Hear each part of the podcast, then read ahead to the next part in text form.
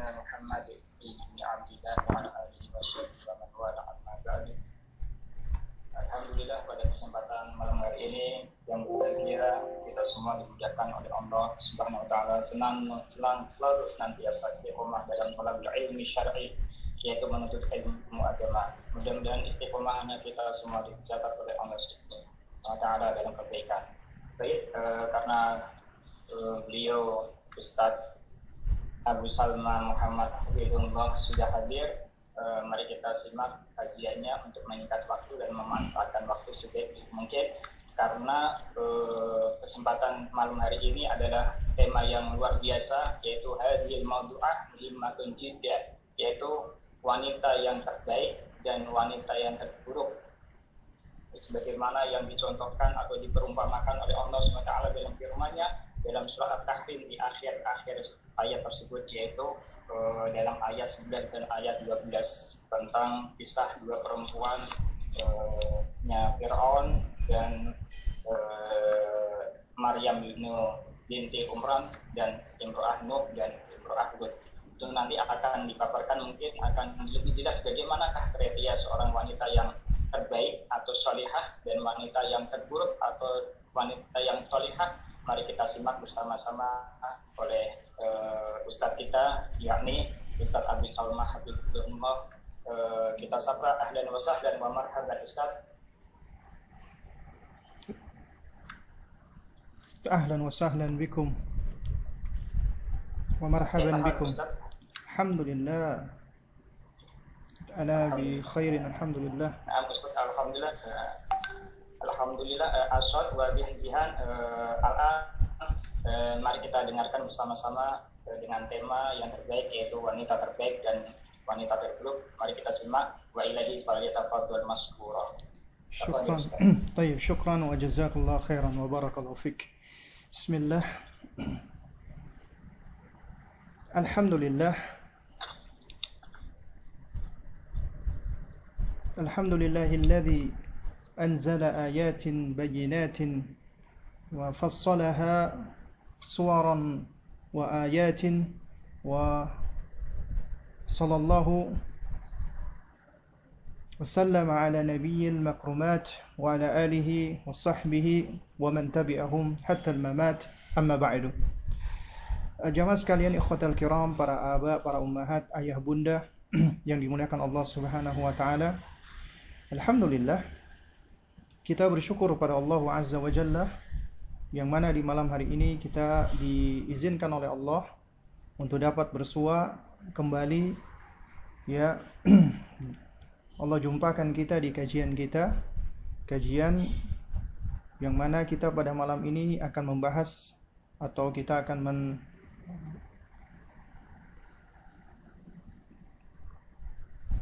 ya mentadaburi ya yaitu ayat-ayat Allah Subhanahu wa taala.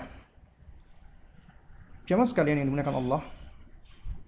Insyaallah di malam ini kita akan berbicara tentang wanita-wanita terbaik dan wanita-wanita yang terburuk. Afwan, sebentar ayah. Wanita terbaik dan wanita terburuk yang Allah Subhanahu wa taala abadikan di dalam Al-Qur'an surat At-Tahrim di tiga ayat terakhir 10, 11, 12 ya. Di ayat 10 sampai 12 Baik. Jamaah sekalian dimulakan Allah ya. Uh, ini dikarenakan waktu singkat ya. Jadi insya Allah saya akan berusaha untuk menyingkat kajian kita ini ya. Yaitu satu jam kemudian kita lanjutkan dengan tanya jawab ya. Mungkin sebelumnya kita uh, kita ini ya kita bahas dulu ya. Ini Afwan saya disable dulu ya ini ada mungkin nggak sengaja kecoret-coret ya Taib.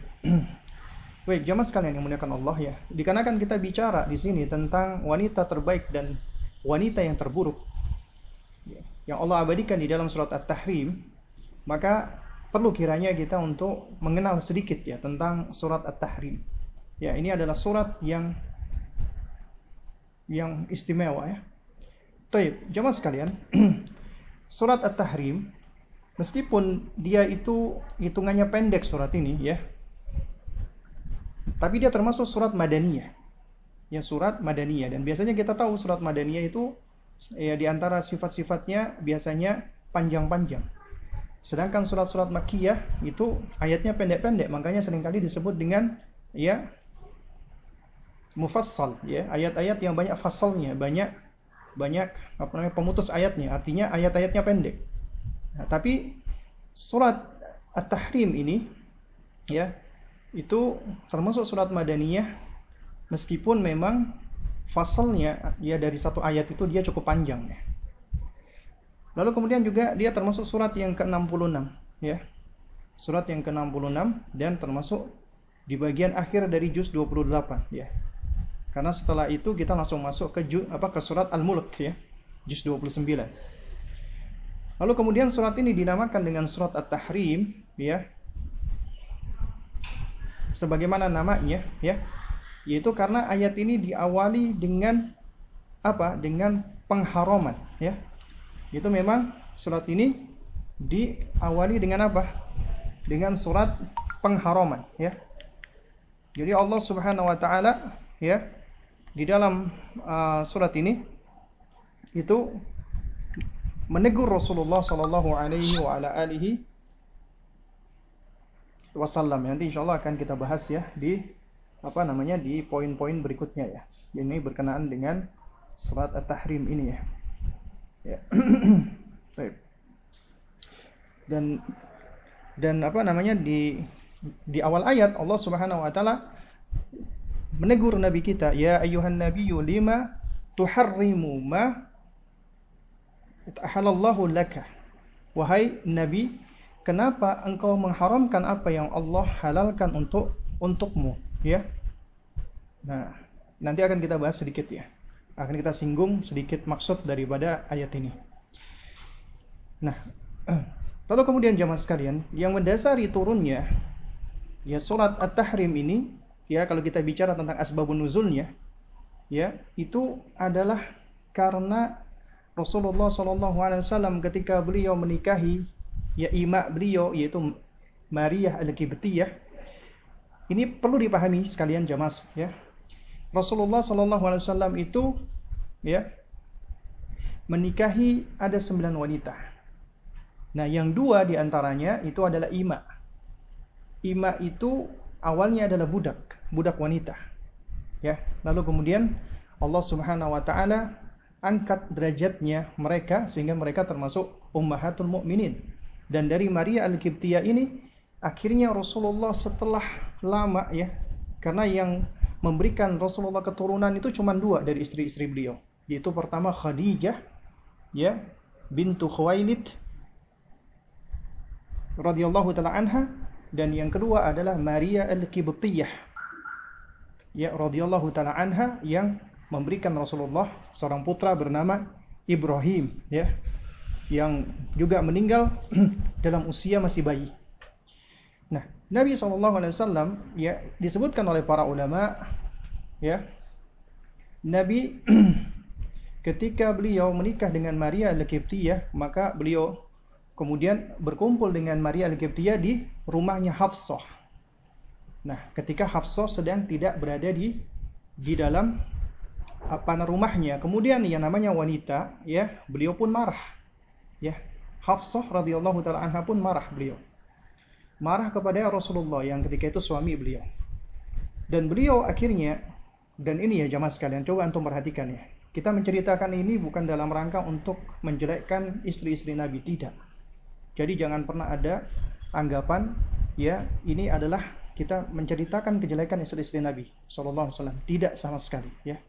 Bahkan kita ingin menceritakan di sini tentang betapa istri-istri Rasulullah Shallallahu Alaihi Wasallam itu adalah manusia biasa wanita-wanita biasa. Ya, tapi Allah Subhanahu wa taala muliakan mereka, ya. Nah, Hafsah radhiyallahu taala anha akhirnya pun curhat kepada ibunda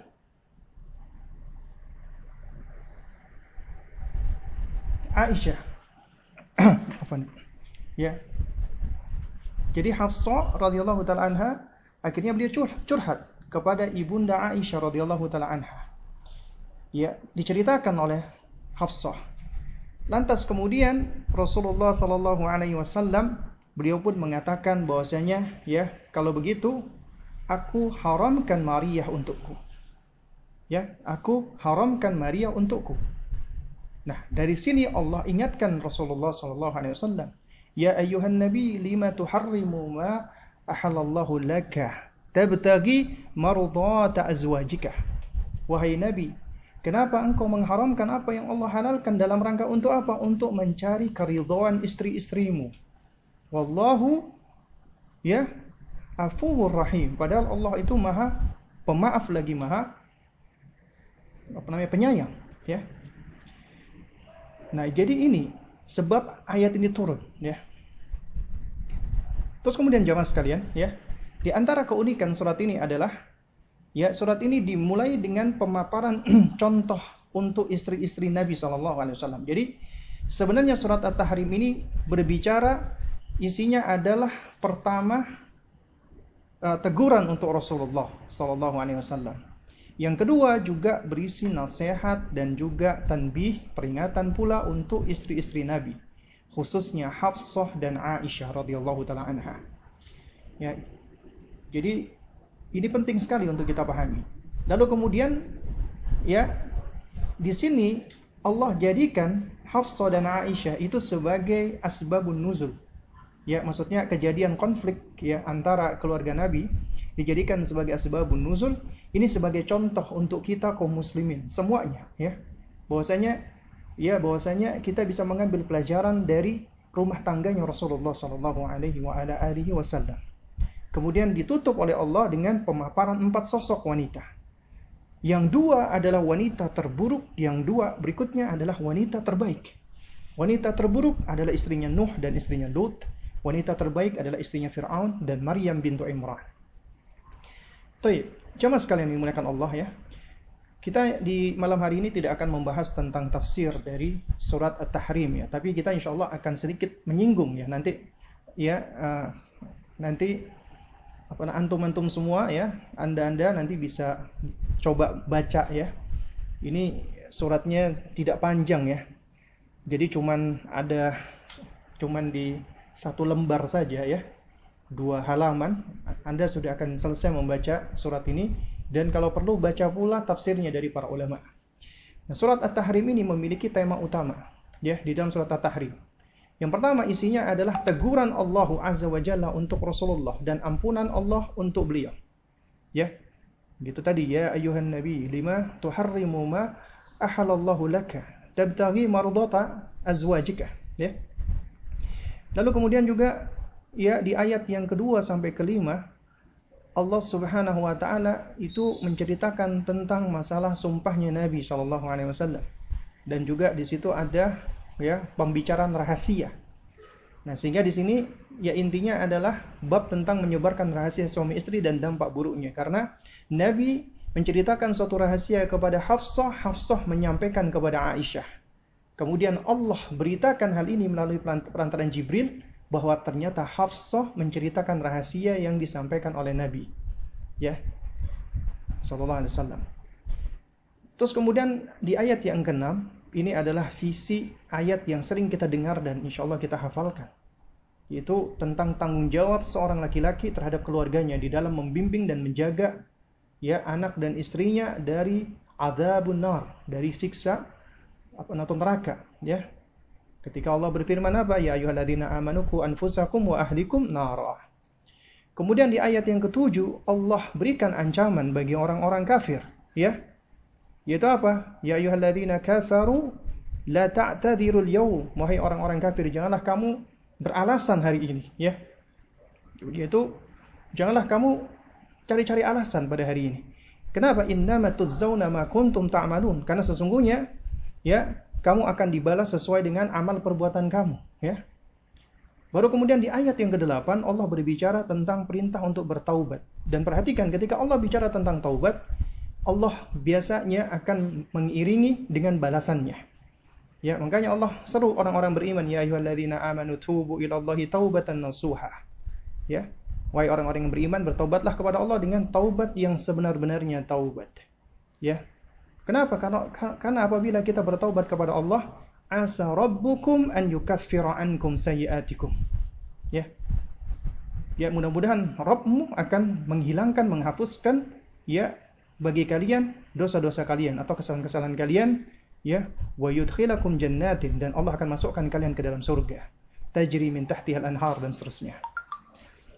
Kemudian di ayat ke-9 ya Allah berbicara tentang apa? Allah berbicara tentang untuk memerangi dan memusuhi orang-orang kafir dan munafik. Ya ayuhan nabi ya.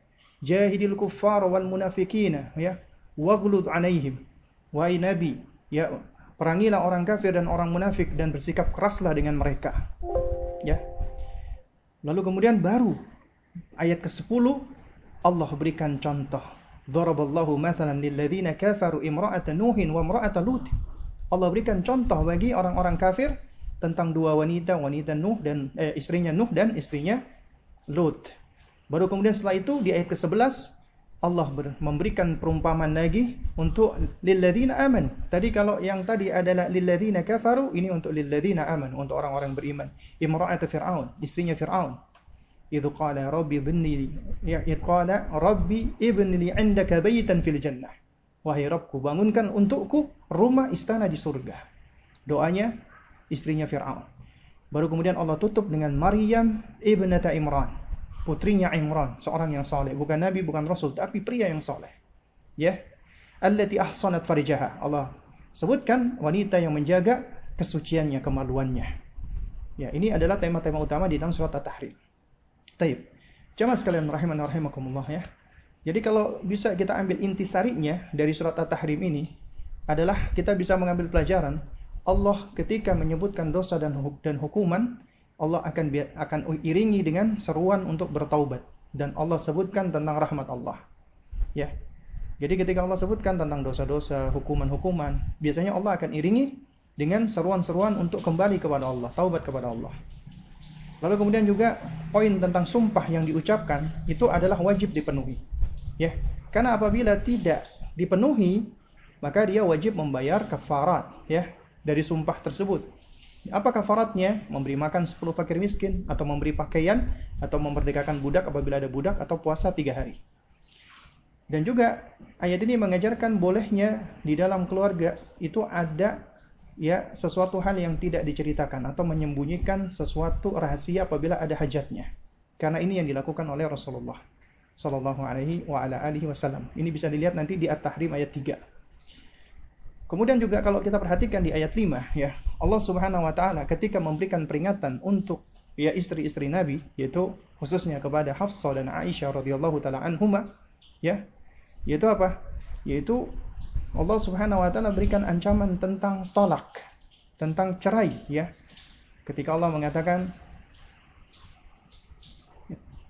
asa rabbuhu ya in apa namanya?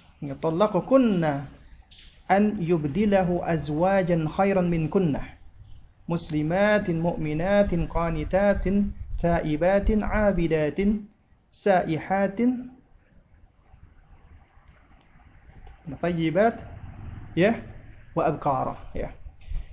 Semoga Allah Subhanahu wa taala ya ketika Nabi sallallahu alaihi wasallam menceraikan kalian Nabi eh, Allah akan gantikan dengan istri-istri yang lebih baik daripada kalian wanita yang muslimah, yang mukminah, yang taat, ya, yang taibat, yang bertaubat, yang abidat ahli ibadah, ya, saihat yang suka berpuasa, tayyibat wa, wa abkara, baik janda ataupun masih perawan. Nah, jadi ada ancaman, ya, ancaman tentang apa namanya? cerai. Makanya ancaman terberat bagi wanita adalah ketika dia diceraikan oleh suaminya. Kemudian di antara kewajiban paling penting adalah menjaga keluarga dari neraka dengan mendidik dan membimbing mereka. Ini sebagaimana di dalam At-Tahrim ayat 6. Ya. Ya ayyuhalladzina amanu qu anfusakum wa ahlikum narah. Dan kata Sayyidina Ali radhiyallahu taala anhu ketika uh, menafsirkan wa ahlikum ay adibuhum wa allimuhum yaitu dengan cara engkau mengajarkan adab, mentakdibnya dan mengajarkan ilmu, ya. Baik, jemaah sekalian. Nah, sekarang kita masuk ke belajar dari istrinya Nabi Nuh dan Nabi Lut alaihi wassalam. Ya. Baik. Jemaah sekalian yang dimuliakan Allah Subhanahu wa taala, kita tahu ya, sesungguhnya tahu namanya taujihatul Quran ya. Taujihat atau arahan-arahan Al-Quran ya itu sejatinya mengangkat wanita dan ya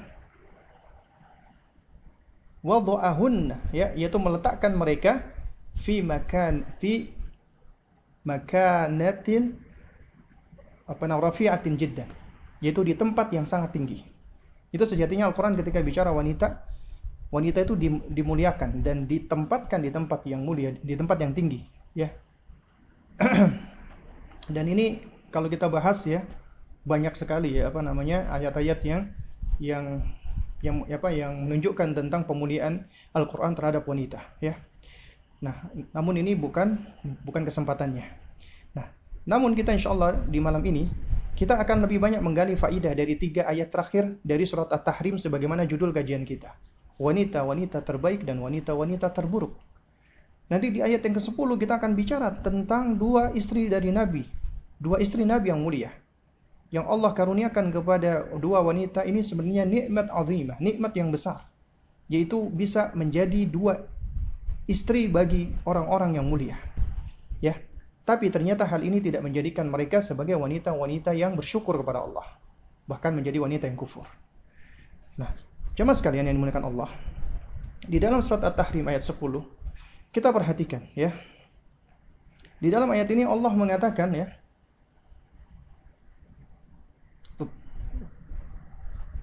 ya. Nah, Daraballahu mathalan. Allah Subhanahu wa taala membuat permisalan ya. Perumpamaan. Lilladzina kafaru bagi orang-orang kafir. Imra'ata nuhin wa imra'ata lutin. Yaitu tentang dua sosok wanita. Wanita istrinya Nuh dan wanita istrinya Lut alaihi wassalam kanata tahta abdaini min ibadina salihin. Keduanya itu berada di bawah pengawasan dari dua hamba kami yang saleh. Fakhanatahuma. Tapi ternyata kedua wanita itu mengkhianati kedua suaminya. Falam yughniya anhuma minallahi syai'an. Maka suaminya itu nggak bisa membantu mereka sedikit pun dari siksa Allah. Wakila, maka dikatakan kepada mereka nanti di hari kiamat, Udkhulan nara ma'ad dakhilin. Masuklah kalian berdua ke neraka bersama dengan orang-orang yang masuk ke dalamnya. Baik, jamaah sekalian, para abah, para ummahat ya, yang dimuliakan Allah. Sekarang mari kita pelajari, mari kita renungkan cermati ayat ini. Ya, yang pertama Allah Subhanahu Wa Taala mengatakan, "Doroballahu mathalan." Allah memberikan perumpamaan. Ya, Allah memberikan perumpamaan. Ya. Untuk apa? Untuk orang-orang kafir, lilladzina kafar. Ya. Ini adalah metode tarbiyatu ya, metode tarbiyah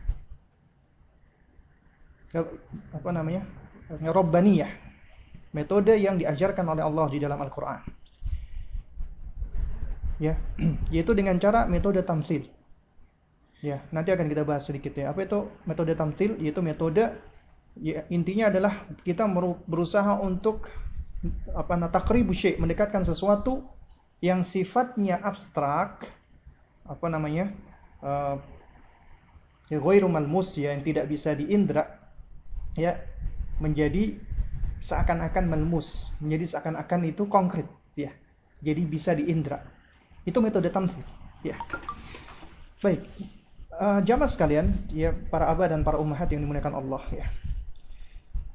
Di dalam ayat ini ayat ke-10 ini Allah menyebut tentang dua sosok wanita, ya. Siapa itu?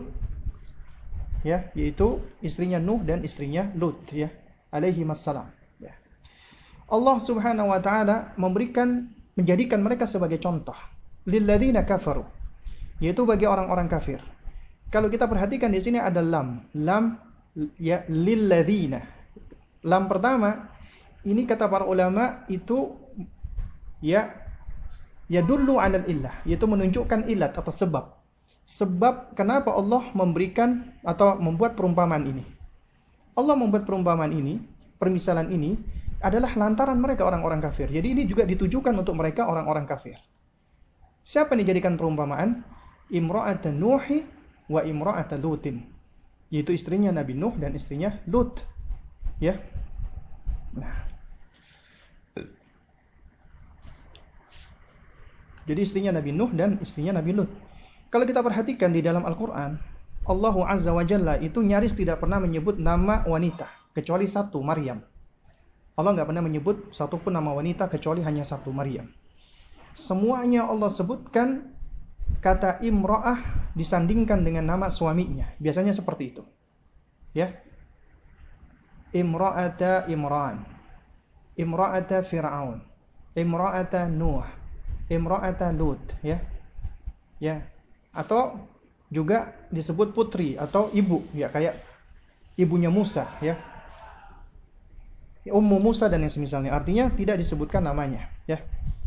Nah jadi Kata para ulama, apabila kata imro'ah diikuti dengan nama seseorang, itu artinya zaujan lahu. Artinya adalah pasangannya, istrinya. Jadi ini istrinya Nabi Nuh dan istrinya Nabi Lut alaihissalam. Kita tahu bersama, Nabi Nuh adalah Rasul pertama. Ya, Rasul pertama adalah Nabi Nuh alaihissalam. Di zaman beliau itu kesyirikan pertama kali terjadi. Ya, nah, kalau kita baca di dalam buku-buku sirah ya, kita tahu ya bahwasanya di zaman Nabi Nuh alaihissalam di situ ada sosok manusia-manusia soleh bernama Wad, Suwa, Ya'uk, apa namanya? Yaguth, Nasr. Ini adalah orang-orang saleh yang sangat dicintai oleh kaumnya. Lalu kemudian mereka wafat, meninggal dunia. Nah, singkatnya, orang-orang yang mencintai Wad, Suwa, Yaguth, Ya'uk, Nasr, ya, itu mereka dalam keadaan nggak punya ilmu yang memadai, datang syaitan membisiki mereka. Ya, berusaha untuk memalingkan mereka. Dibisiki oleh syaitan, apakah kalian mencintai orang-orang tersebut yaitu Wat, Suwa, Yagut, Ya'uk dan Nasr? Mereka mengatakan kami cinta dengan mereka. Tuh, buktikan dong cinta kalian. Akhirnya dihasut untuk membuat monumen patung. Akhirnya mereka membuat patung monumen. Awalnya untuk mengenang, kemudian muncul generasi berikutnya yang lebih jahil lagi, ya Kemudian syaitan datang, kemudian diingatkan, tahukah kalian kenapa bapak-bapak kalian membuat patung monumen ini?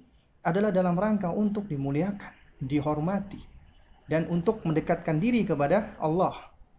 Akhirnya awalnya mereka kenang, kemudian akhirnya mereka pun tawaf di patung-patung tersebut. Itulah muncul kesyirikan pertama kali. Kemudian Allah utus Nabi Nuh alaihissalam untuk mengembalikan manusia kepada fitrahnya tauhid Ya, jadi Nabi Nuh alaihissalam diperintah oleh Allah untuk mengembalikan manusia-manusia ini ya kepada tauhid. Di dalam Al-Baqarah ayat 213 ketika Allah berfirman ya kata Allah Azza wa Jalla Kana nasu ummatan wahidatan. Dahulunya manusia itu umat yang satu. Kata para ulama artinya mereka adalah umat yang berada di atas tauhid. Tidak ada yang menyekutukan Allah. Artinya di zamannya Nabi Adam alaihissalam dan keturunan Adam dan mungkin ya wallahu a'lam bishawab termasuk Nabi Idris alaihissalam ya itu belum ada kesyirikan. Ya. Kemudian baru di zamannya Nabi Nuh, umatnya Nabi Nuh, mereka melakukan kesyirikan pertama kali. Allah Allah sebutkan ini. Kana nasu ummatan wahidatan. Dahulu manusia itu adalah umat yang satu. Kemudian ketika timbul kesyirikan, akhirnya menimbulkan perselisihan. Maka faba'athallahu nabiyyina mubashirina wa mundhirin. Allah utus para nabi sebagai pembawa apa? Berita gembira dan sebagai pembawa peringatan. Ya, wa anzala ma ya wa anzala ma'ahumul kitabah. Dan Allah juga turunkan kepada mereka para nabi itu kitab-kitab sucinya Allah bil haqqi dengan benar. Liyahkuma baina ya, liyahkuma bainan nasi fi makhtalafu fihi ya untuk memberikan keputusan atau memberikan hukuman di antara manusia tentang perkara yang mereka perselisihkan. Juga demikian, kita perhatikan di dalam surat Yunus ayat 19, Allah juga mengatakan wa ma kana nasu illa ummatan wahidatan fakhtalafu. Dahulunya manusia itu adalah umat yang satu. Ya, kemudian mereka berselisih gara-gara syirik. Jadi kesyirikan itu sejatinya membawa kepada perselisihan dan perpecahan. Tauhid sebagaimana namanya, tauhid itu malah mempersatukan. Dan makanya dikatakan Allah, dahulunya Manusia ini umat yang satu, kemudian mereka berselisih gara-gara kesyirikan. Ya. Makanya Allah Allah sebutkan ya walaula kalimatun sabaqat min rabbika laqudiya bainahum fi ma fihi yakhtalifun. Kalau tidaklah karena suatu ketetapan yang telah ada dari Rabbmu dahulu, pastilah telah diberi keputusan di antara mereka tentang apa yang mereka perselisihkan tersebut. Ya, jadi intinya para ulama tafsir mengatakan dahulu ya umat ini adalah umat yang satu karena karena nasu ummatan wahidatan artinya berada di atas tauhid berada di atas fitrah kemudian mereka berselisih karena kesyirikan ya. Nah juga juga ya Allah Subhanahu wa taala bersihkan ini semua orang-orang yang melakukan kesyirikan ini yaitu Allah turunkan ya badai eh, Allah turunkan banjir air bah tsunami. Allah bersihkan semuanya.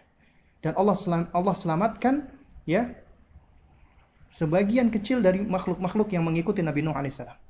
Jadi artinya jamaah sekalian, kita semua yang ada pada hari ini ini termasuk di antara keturunan dari orang-orang yang Allah selamatkan dari keturunannya Nabi Nuh alaihissalam. Tapi ternyata berjalannya waktu kembali manusia itu jatuh kepada keburukan-keburukan. Ya, jatuh kepada termasuk kesyirikan-kesyirikan. Juga demikian ketika di zamannya Nabi Ibrahim alaihissalam, ya, Bapaknya Azar termasuk dedengkot kesyirikan, ya. Ya. Dan juga di antara yang membawa ya ajaran paganisme ini ke Jaziratul Arab itu seorang yang bernama Amru bin Luhai, ya Amru bin Luhai. Yang mana dia melakukan penggalian-penggalian prasasti ya, mencari monumen-monumen patung-patung tersebut Kemudian prasasti-prasasti monumen-monumen yang bersejarah tersebut dibagikan ke, ke sejumlah kaum. Akhirnya patung-patung tersebut dijadikan sebagai berhala-berhala mereka. Ya. Baik. Jemaah sekalian, ya. Allah Subhanahu wa taala itu memuliakan Nabi Nuh alaihissalam. Makanya Allah ceritakan tentang Nabi Nuh alaihissalam itu di dalam sejumlah surat. Ya. Nah, cuman karena kita bukan bukan waktunya kita membahas Nabi Nuh alaihissalam, jadi antum bisa baca nanti tentang kisahnya Nabi Nuh ya. Itu setidaknya ada di dalam ya kalau nggak salah ada di dalam uh, sembilan atau apa sepuluh surat. Ya, di antaranya surat Nuh sebagaimana namanya. Silakan baca surat Nuh ayat 1 sampai 28.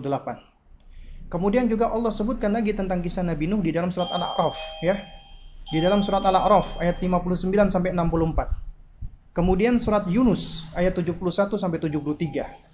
Kemudian surat Hud ayat 25 sampai 49. Kemudian Al-Anbiya 76 sampai 77. Al-Mu'minun 23 sampai 30. Kemudian Asy-Syu'ara 105 sampai 140. Al-Ankabut 14 sampai 15. As-Saffat 72 sampai 82 dan Al-Qamar 9 sampai 15. Itu menceritakan tentang kisahnya Nabi Nuh alaihissalam. Silakan dibaca. Kemudian sosok yang kedua adalah Nabi Lut alaihissalam. Nabi Lut Allah sebutkan di dalam Al-Quran itu sebanyak 27, 27 kali di dalam Al-Quran. Ya. Dan kaumnya, kaum Sodom, itu disebutkan oleh Allah sebanyak, kalau tidak salah, apa, apa 10 kali di dalam Al-Quranul Karim. Ya. Dan menariknya Nabi Lut alaihissalam, beliau adalah ya hidup di generasinya Nabi Ibrahim dan beliau mengikuti syariatnya Nabi Ibrahim alaihissalam. Ya, beliau mengikuti syariatnya Nabi Ibrahim Nabi Ibrahim alaihissalam. Karena apa? Karena beliau adalah anak ponakannya Nabi Ibrahim alaihissalam. Ya. Jadi Nabi Lut alaihissalam ya itu bapaknya disebutkan oleh para ulama ahli sejarah namanya Haran bin Azar. Azar bapaknya Ibrahim alaihissalam. Ya. Azar adalah bapaknya Ibrahim dan Haran ini adalah saudara kandungnya Nabi Ibrahim alaihissalam melahirkan Lut alaihissalam. Jadi Lut adalah ponakannya Nabi Ibrahim alaihissalam. Makanya di dalam Al-Quran juga disebutkan ketika ada malaikat datang ke Nabi Ibrahim alaihissalam, ya malaikat-malaikat ini dia menyampaikan bahwasanya dia akan menghancurkan kaumnya Nabi Lut ya. Dia akan menghancurkan kaumnya Nabi Nabi Lut alaihissalam. Lalu kemudian Nabi Ibrahim dan istrinya yaitu Sarah sempat mengkhawatirkan tentang kondisinya Nabi Lut ya. Karena apa? Karena Nabi Lut adalah keluarga mereka. Ya, Nabi Lut adalah keluarga mereka. Jadi Nabi Lut adalah orang yang beriman kepada Nabi Ibrahim alaihissalam. Ya. Dan beliau domisilinya di suatu wilayah di di Urdun, di Yordania. Wilayah itu disebut dengan kota atau negeri Sadum namanya atau dikenal dengan Sodom. Makanya perbuatan mereka disebut dengan perbuatan, mohon maaf, apa namanya, sodomi ya. Taib.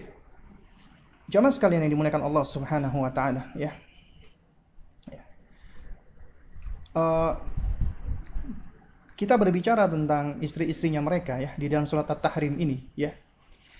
Uh, apa sebagaimana tadi sudah disebutkan ya bahwasanya surat ini turun berkenaan dengan ya yaitu dengan ya uh, asbabun nuzulnya adalah karena dua wanita yang mulia ummahatul mukminin istrinya Rasulullah ya istrinya Rasulullah sallallahu alaihi wasallam ya yang mana Allah sebutkan ya mereka memang manusia biasa enggak lepas dari salah dari alpa dari kecemburuan dari kemarahan namanya manusia Ya.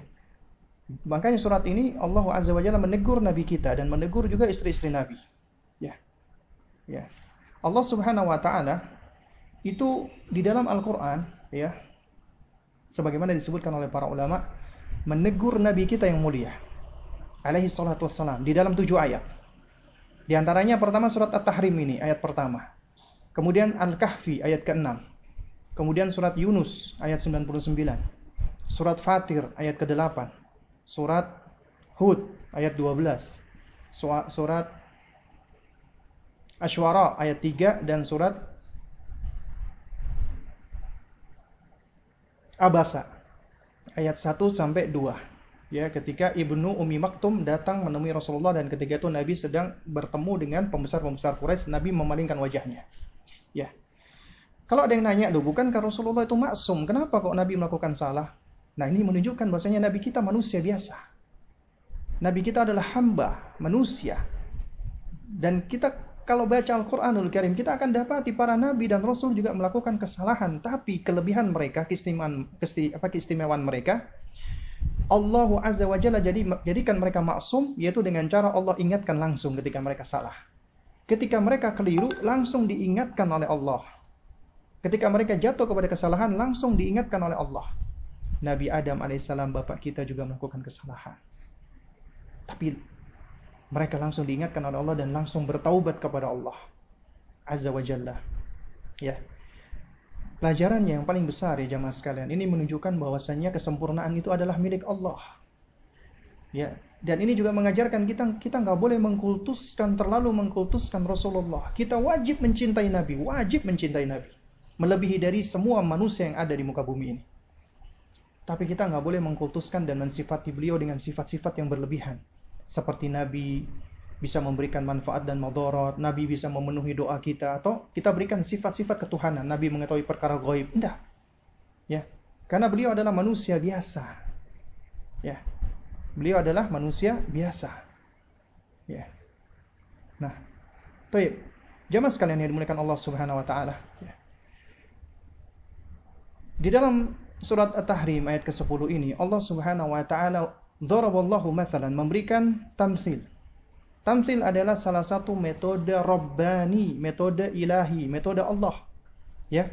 Yang mana metode ini manfaatnya adalah untuk takribul faham, lebih mendekatkan pemahaman. Dan Allah sering kali mempergunakan metode-metode tamthil ini, ya. Bahkan di dalam surat Al-Baqarah ayat 26 Allah mengatakan innallaha la yastahi an yadriba mathalan ma ba'udatan fama fawqaha. Coba perhatikan. Surat Al-Baqarah ayat 26. Sesungguhnya Allah la yastahi, Allah enggak malu an yadriba mathalan, membuat perumpamaan atau permisalan. Ya. Allah enggak malu untuk membuat permisalan. Ya, ma ba'udatan fama fawqaha yaitu berupa nyamuk atau yang lebih rendah daripada nyamuk. Ya. Dan masih banyak ayat-ayat yang lainnya. Allah Subhanahu wa taala ketika ya berfirman mempergunakan metode ini. Nabi kita juga sama. Sering mempergunakan metode tamzil. Luqman alaihissalam juga mempergunakan metode ini di dalam mendidik anaknya. Ya. Karena ini termasuk metode pendidikan yang efektif. Ya. Karena memberikan masal, misal, ya. Karena misal itu secara asal maknanya adalah menempatkan sesuatu dengan cara tasbih, dengan cara penyerupaan, ya, dan juga bayanu wajhi tasbih, juga penjelasan bentuk penyerupaannya, ya. Jadi artinya ada sesuatu, ya kita lihat mana kesamaannya, nah itu yang digunakan. Nah, makanya Al-Hafidz Ibnu Qayyim ya, semoga Allah merahmati beliau, ketika beliau menerangkan tentang metode amsal ini ya, beliau mengatakan bahwasanya metode amsal atau misal itu adalah menyerupakan sesuatu dengan sesuatu ya yang mirip atau sama hukumnya. Atau mendekatkan sesuatu yang bersifat abstrak dengan sesuatu yang konkret yang bisa diindra ya. Nah, supaya orang yang mendengarkan atau orang yang disampaikan bisa lebih memahaminya. Nah, oleh karena itu makanya ya para ulama ahli tafsir seperti contohnya Imam Jalaluddin apa namanya uh, Asyuti rahimahullah ya ketika menerangkan tentang metode amsal misal beliau mendes beliau mendeskripsikan makna yang abstrak ya maksudnya misal itu adalah deskripsi dari makna yang abstrak ya yang apa apa namanya malmus ya yang abstrak ya dengan gambaran bi apa suratin malmusah yaitu dengan gambaran atau deskripsi yang konkret. Dan ini lebih berkesan di dalam hati. Yang ini lebih lebih mengesankan di dalam hati. Itu seperti misalnya menyerupakan yang samar dengan yang tampak atau yang goib dengan yang hadir ya. Nah, nah baik jamaah sekalian yang dimuliakan Allah Subhanahu wa taala. Ya, sedikit Tuh, ini putus ya. Waduh, putus ya. Mi, jaringan putus ya, Mi?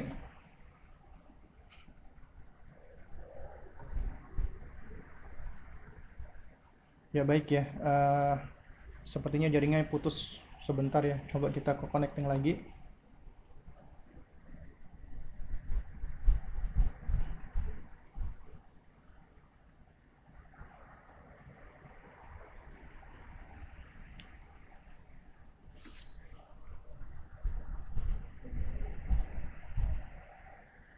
Ya, dia mohon maaf ini jaringannya sepertinya putus ya. Coba kita coba kita connect dulu ya.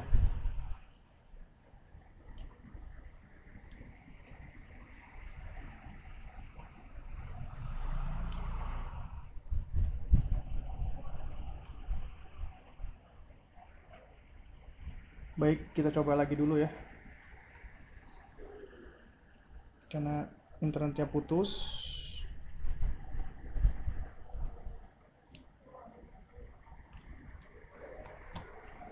Bismillah kita coba coba connect lagi ya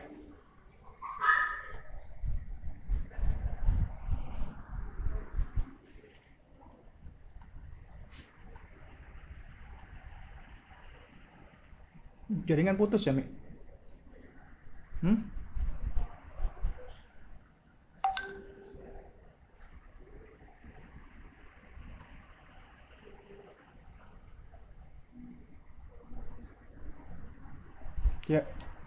Bismillah.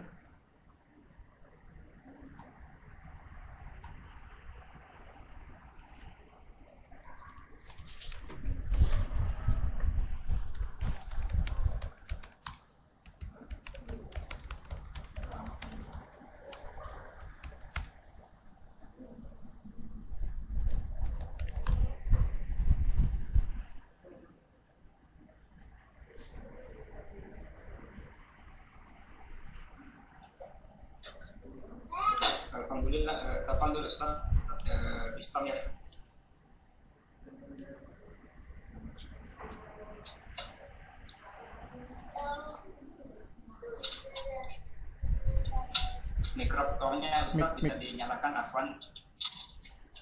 Enggak bisa.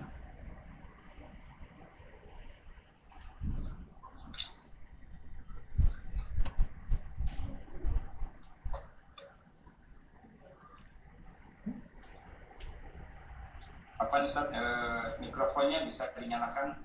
Hostnya, host, e, host.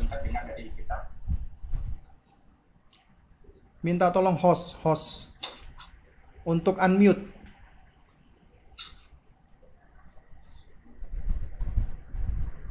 Ya, ya. Ya, baik ya. Afan sebelumnya uh, barusan koneksi tadi putus ya. Uh, jaringan internet barusan putus tadi dan ini alhamdulillah bisa bisa terkoneksi lagi ya. Taib ya.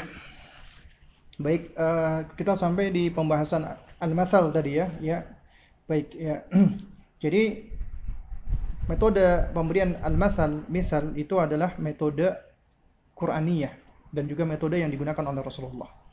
Kalau kita perhatikan metode misal atau masal ini ada dua macam. Ada metode tasrih yaitu metode yang jelas artinya benar-benar mempergunakan lafaz tamsil dan ada metode ya misal yang apa namanya kamin. Kamin artinya tidak disebutkan dengan jelas lafaz tamsil. Ya.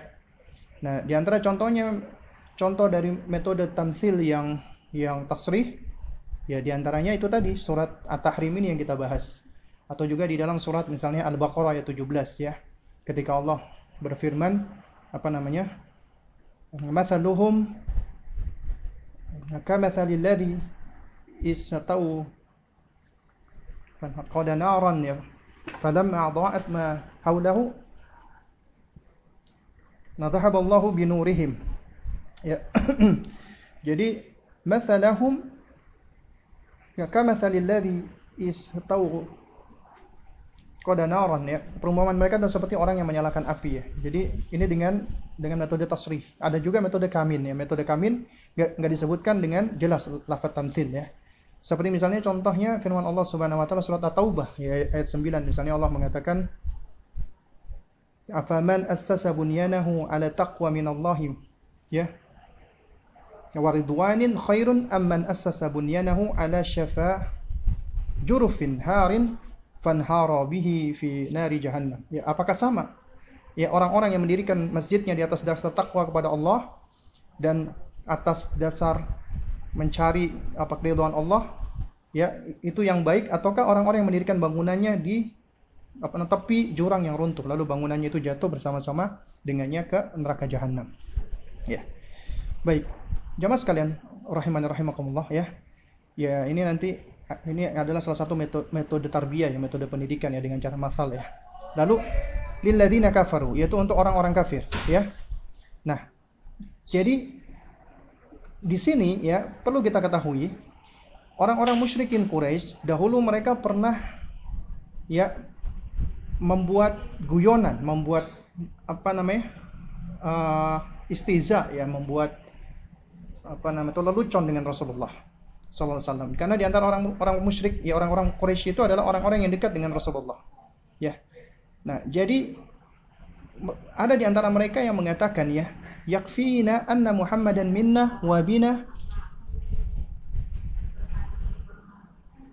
fayastasfa'u lana ya. Kata mereka, yakfina anna Muhammadan anna Muhammadan minna. Cukuplah Muhammad itu adalah termasuk dari kita. Wabina dan juga dengan kita Nabi Muhammad itu eh, Muhammad itu akan memberikan syafaat untuk untuk kita. Nah, makanya di dalam ayat ini Allah bantah. Artinya syafaat Nabi tidak berguna bagi orang-orang kafir meskipun itu adalah saudara dekatnya Nabi. Sebagaimana paman Nabi. Ya, ya, paman Nabi siapa? Abu Lahab. Ya, alaihi laknatullah. Ya, ataupun juga paman beliau yang beliau cintai. Abu Talib yang wafatnya dalam keadaan musyrik. Ya, ini sebagaimana tidak bermanfaat pula syafaatnya Nuh dan Lut kepada istri-istri dan juga ya anaknya. Nah, oleh karena itu ya, ya uh, salah seorang ulama salaf ketika ketika menafsirkan ayat ini ya, yaitu Daraballahu mathalan lilladzina kafaru imra'atan Nuhin wa imra'atan Lutin ya. Fan ini Nah, ini kanata tahta abdaini min ibadina salihin. Ya. Itu kata beliau ya. Ya, hadza mathalun ya. Permisalan ini Daraballahu Allah berikan, Allah Allah contohkan untuk apa? Liyuhadziru bihi Hafsa wa Aisyah hina kata dhaharata ala Rasulillah. Ini dalam rangka untuk mengingatkan Hafsah dan Aisyah ketika keduanya itu ya sedang menyusahkan Nabi sallallahu alaihi wasallam. Thumma daraba lahum mathalan bi imra'atin Fir'aun wa Maryam.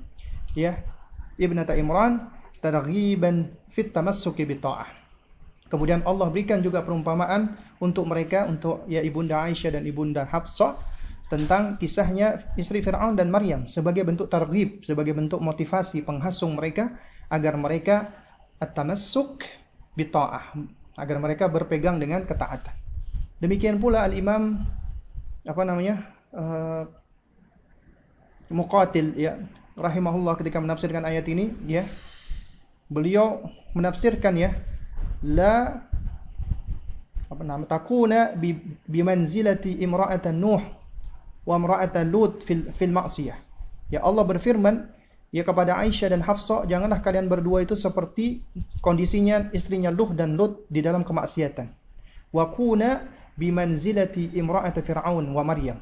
Dan hendaknya kalian berdua ya menempati kedudukan seperti kedudukan istrinya Fir'aun dan Maryam yang mana mereka adalah wanita terbaik.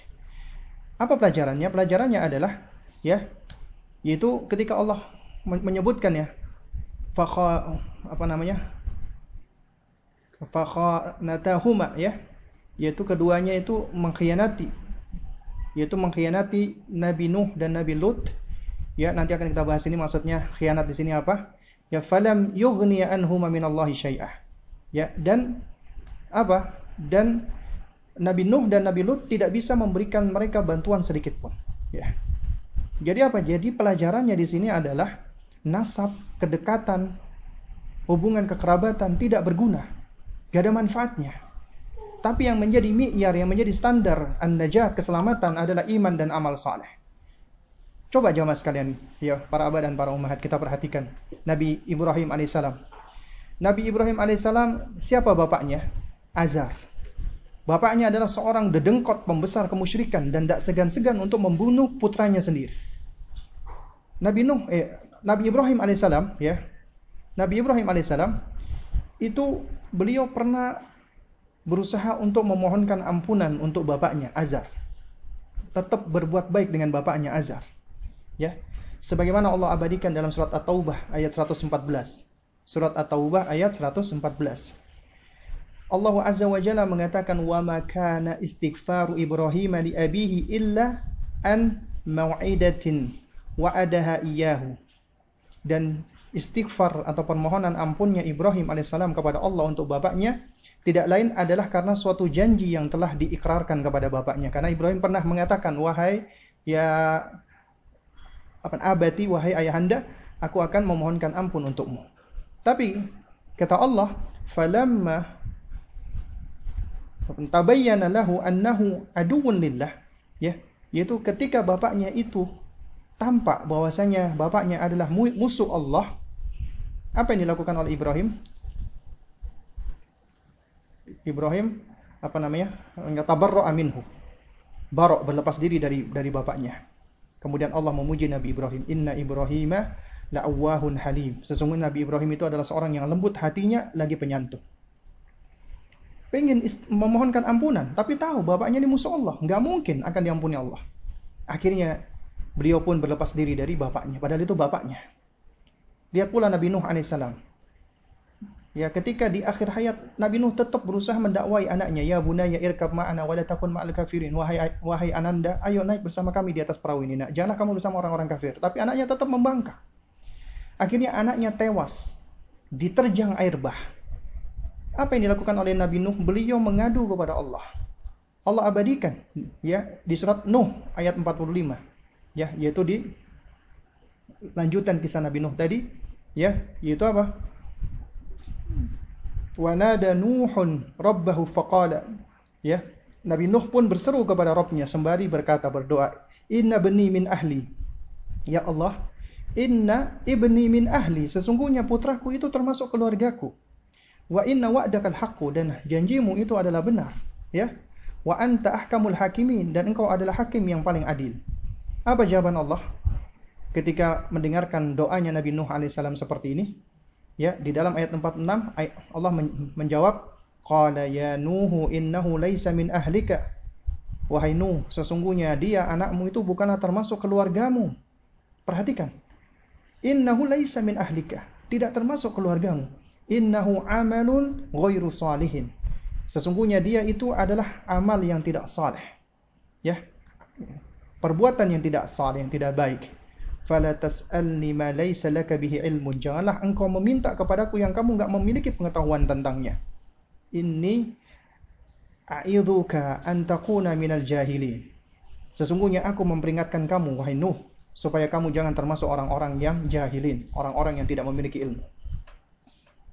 Jawaban Nabi Nuh ini membuat Nabi Nuh sadar. Nih perhatikan, Allah menegur Nabi Nuh. Kemudian Nabi Nuh pun langsung tersadar. Langsung bertaubat kepada Allah. Qala.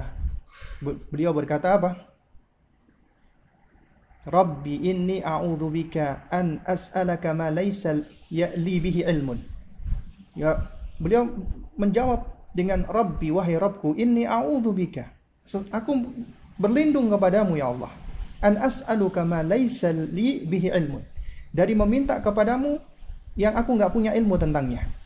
Wa illa taghfirli wa tarhamni akun minal khasirin. Ya, ya Allah, kalau engkau tidak memberi ampun kepadaku dan tidak menyayangiku, maka termasuk aku termasuk orang-orang yang merugi. Ya. Kita lihat pula ya jamaah sekalian, Nabi kita, Nabi Ibrahim, Nabi Muhammad sallallahu alaihi wasallam, ya. Nabi kita yang kita sayangi, Nabi Muhammad sallallahu alaihi wasallam. Ya sebagaimana yang dikisahkan oleh Abu Hurairah radhiyallahu taala anhu. Ya, beliau menceritakan ya bahwasanya Nabi sallallahu alaihi wasallam zara qabra ummihi, mengunjungi makam ibunya. Fabaka, kemudian beliau menangis. Bukan cuma menitikkan air mata, beliau menangis, mencucurkan air mata. Wa abka man haulahu dan menyebabkan sahabat-sahabat yang menyertai beliau pun turut bercucuran air mata. Kemudian apa kata Nabi SAW? Beliau mengatakan istadzantu rabbi fi an astaghfira laha falam yu'dhan li. Aku minta izin kepada Allah agar Allah sudi ya agar agar Allah sudi untuk mengizinkan aku agar aku bisa memintakan ampunan untuk bundaku. Falam yu'dhan li tapi Allah tidak memperkenankan. Artinya tidak memperbolehkan untuk mendoakan seorang musyrik. Ya. Kemudian kemudian aku pun meminta izin kepada Allah fi an azura qabraha agar aku bisa mengunjungi menziarahi kuburannya. Fa'udhina maka aku pun diizinkan. Kemudian kata Nabi, apa namanya? Fazurul kubura fa innaha ya tudzakirul maut ya maka kunjungilah kuburan karena kuburan itu mengingatkan kematian ya Demikian pula Allah sebutkan di dalam surat At-Taubah ayat 113, "Maka nabi wal ladzina amanu an yastaghfiru lil walau kanu uli kurba min ba'di ma tabayyana lahum annahum ashabul jahim." Tidak sepatutnya bagi nabi dan orang-orang yang beriman memintakan ampunan beristighfar bagi orang-orang musyrik. Ya, Walaupun orang-orang musyrik itu adalah kaum kerabatnya, sesudah jelas bagi mereka bahwasanya orang-orang musyrik itu adalah penghuni neraka jahanam. Ya.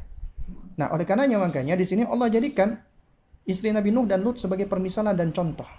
Padahal kanata tahta abdaini min ibadina salihin. Padahal keduanya itu berada di bawah pengawasan hamba-hambanya Allah yang saleh. Yaitu di bawah pengawasan Nabi dan Rasul. Ya, Kata para ulama, padahal mereka istri itu ya adalah orang yang memiliki sohbah, membersamai, ya naharan walailan, seharusnya loh ya siang dan malam, makan bersama, tidur bersama, ya artinya memiliki kebersamaan. Idealnya seperti itu, ya. Makanya dikatakan Allah kana tahta abdaini min ibadina salihin. Ya. Keduanya itu ya adalah berada di min apa berada di bawah uh, pengawasan min ibadina apa salihaini yaitu dari dua hamba kami yang saleh. Ya, istrinya Nabi Nuh namanya Wailah menurut sebagian ulama. Istrinya Nabi Lut namanya Wahilah. Ya. Kanata tahta abdaini. Dan kata tahtiya tahta di sini majazun fi, fi makna siyana wal ismah adalah sebagai bentuk majaz dari makna asyanah wal ismah yaitu sebagai bentuk pengawasan perlindungan. Artinya mereka berada di rumahnya orang-orang yang soleh ini mendapatkan pengawasan dan perlindungan. Min ibadina salihaini. Dari dua hamba kita yang saleh, Nabi Nabi Nuh dan dan Nabi Lut ya. Ya. Kalau kita perhatikan Nabi Nuh dan Nabi Lut itu adalah nabi. Bahkan Nabi Nuh adalah rasul. Nabi dan rasul lebih khusus daripada orang-orang saleh. Karena kita tahu ya, orang-orang saleh belum tentu nabi dan rasul. Tapi nabi dan rasul sudah pasti saleh. Pasti, ya. Sedangkan orang-orang orang-orang saleh belum tentu nabi dan rasul. Artinya di sini Allah menggunakan kata lebih umum. Ya, keduanya termasuk hamba kami yang saleh. Karena kesolehan itu bisa diberikan kepada nabi dan rasul dan juga kepada selain nabi dan rasul. Sehingga ini bisa menjadi peringatan bagi para wanita-wanita muslimah. Ketika Anda diberikan karunia oleh Allah suami-suami yang saleh, tapi Anda tidak ya menaatinya di dalam kebaikan, anda tidak bersyukur kepada Allah, maka Anda serupa dengan kedua wanita ini, istrinya Nuh dan istrinya Lut. Ya. Makanya Allah sebutkan setelahnya fakhanatahuma keduanya berkhianat, mengkhianati suaminya. Tapi kata para ulama di dalam hal diniyah bukan fahisyah. Di dalam hal agama dan iman. Khianatnya di dalam hal agama dan iman. Artinya mereka tidak membenarkan nubuah, tidak membenarkan kenabian dan apa risalah suaminya. Dan mereka tidak pula mengimani Allah. Ya, mereka kufur, kafir sehingga tidaklah berguna ya kedekatan mereka dengan suami-suaminya yang soleh tersebut. Meskipun mereka labelnya adalah istrinya Nabi Nuh, istrinya Nabi dan Rasul, tapi karena mereka kufur, nggak berguna itu semua. Ya, Makanya para ulama mengatakan arti mengkhianati di sini bukanlah di dalam perkara fahisyah seperti selingkuh ataupun zina, tidak. Karena istri Nabi meskipun mereka kafir, mereka tetap terjaga dari perbuatan fahisyah. Sebagai bentuk apa? Sebagai bentuk penjagaan atas apa namanya? Hormatul anbiya, kehormatan para nabi. Dan ini sebagaimana disebutkan oleh ya sahabat Nabi yang mulia Abdullah bin Abbas radhiyallahu taala anhuma, turjumanul Quran Ya, beliau mengatakan ma baghat imra'ah untuk ya ma baghat imra'atu nabi qattun. Ya, tidak ada istri satupun istri Nabi itu yang berbuat baghah, yang berbuat keji, yang berbuat fahisyah, tidak ada. Inna makanat khiyanatahuma fid din. Ya, hanya saja khianatnya dari istrinya Nuh dan istrinya Lut ini adalah di dalam urusan agamanya. Maka dikatakan oleh para ulama, istrinya Nabi Nuh itu suka membantah suka ngeyel, suka namimah, bahkan suka mengejek suaminya. Bahkan istrinya Nabi Nuh dikatakan oleh para ulama, dia mengejek suaminya majnun. Suaminya dikatakan orang yang majnun, orang yang sinting. Waliyadzubillah. Dan ketika ada orang yang datang kepada suaminya diperingatkan untuk menjauh karena suaminya adalah orang yang sinting, orang yang majnun. Dan kalau suaminya itu mengajarkan kebaikan dilaporkan kepada penguasa. Ini istrinya Nabi Nuh alaihissalam. Istrinya Nabi Lut juga sama. Wanita yang suka namimah, suka menggunjing dan suka apa namanya suka uh, menceritakan aib yang ada di dalam rumahnya kepada kaum Sodom saat itu. Ya. Dan apabila ada tamunya Nabi Lut alaihissalam laki-laki yang tampan, maka istrinya Nabi Lut ini yang akan membongkar, akan menceritakan kepada kaumnya. Dengan cara apa? Kalau malam hari dia nyalakan lampu. Kalau siang hari ini sebagaimana disebutkan oleh para ulama ahli tafsir, siang hari beliau akan membakar sesuatu untuk supaya menandakan ada asap. Nah, jadi khianatnya mereka ini bukan dalam urusan zina, bukan. Atau perselingkuhan, bukan. Tapi di dalam urusan agama. Mereka kafir. Dalam urusan akhlak, ya. Tapi bukan urusan perzinahan. Fahisyah, tidak. Ya falam yughniya anhuma minallahi syai'an. Kedua suaminya itu Nabi Lut dan Nabi Nuh tidak bisa apa, membantu mereka. Enggak bermanfaat sedikit pun bantuan mereka. Kita tahu Nabi Nuh dan Nabi Lut adalah nabi dan rasul. Manusia istimewa, manusia pilihan Allah. Tapi mereka nggak bisa apa-apa lagi. Kenapa? Hidayah di tangan Allah. Kedekatan istri mereka tidaklah bisa membuat mereka menolong istrinya. Ini pelajaran besar bagi orang-orang kafir. Meskipun mereka mengklaim bahwasanya mereka dekat dengan orang terbaik di muka bumi ini selama mereka kafir, selama mereka membangkang dari Allah, maka mereka tidak akan terpalingkan dari ancaman dan siksa Allah. Tidaklah berguna kedekatan mereka. Meskipun mereka dulu orang-orang musyrikin Quraisy, mereka adalah orang-orang yang senang untuk ya uh, menghidupkan haji, tapi hajinya adalah haji kesyirikan ketika itu. Ya. Jadi tidaklah bermanfaat ketika mereka misalnya apa namanya mendekati Baitullah Haram, mem, me, makmurkan Baitullah, memberikan minum kepada jamaah haji. Tapi ketika mereka masih musyrik, kufur dari Allah, ini semua tidak akan memalingkan murka Allah selama mereka masih kafir. Jadi apa pelajarannya jamaah sekalian? Pelajarannya adalah ya apa namanya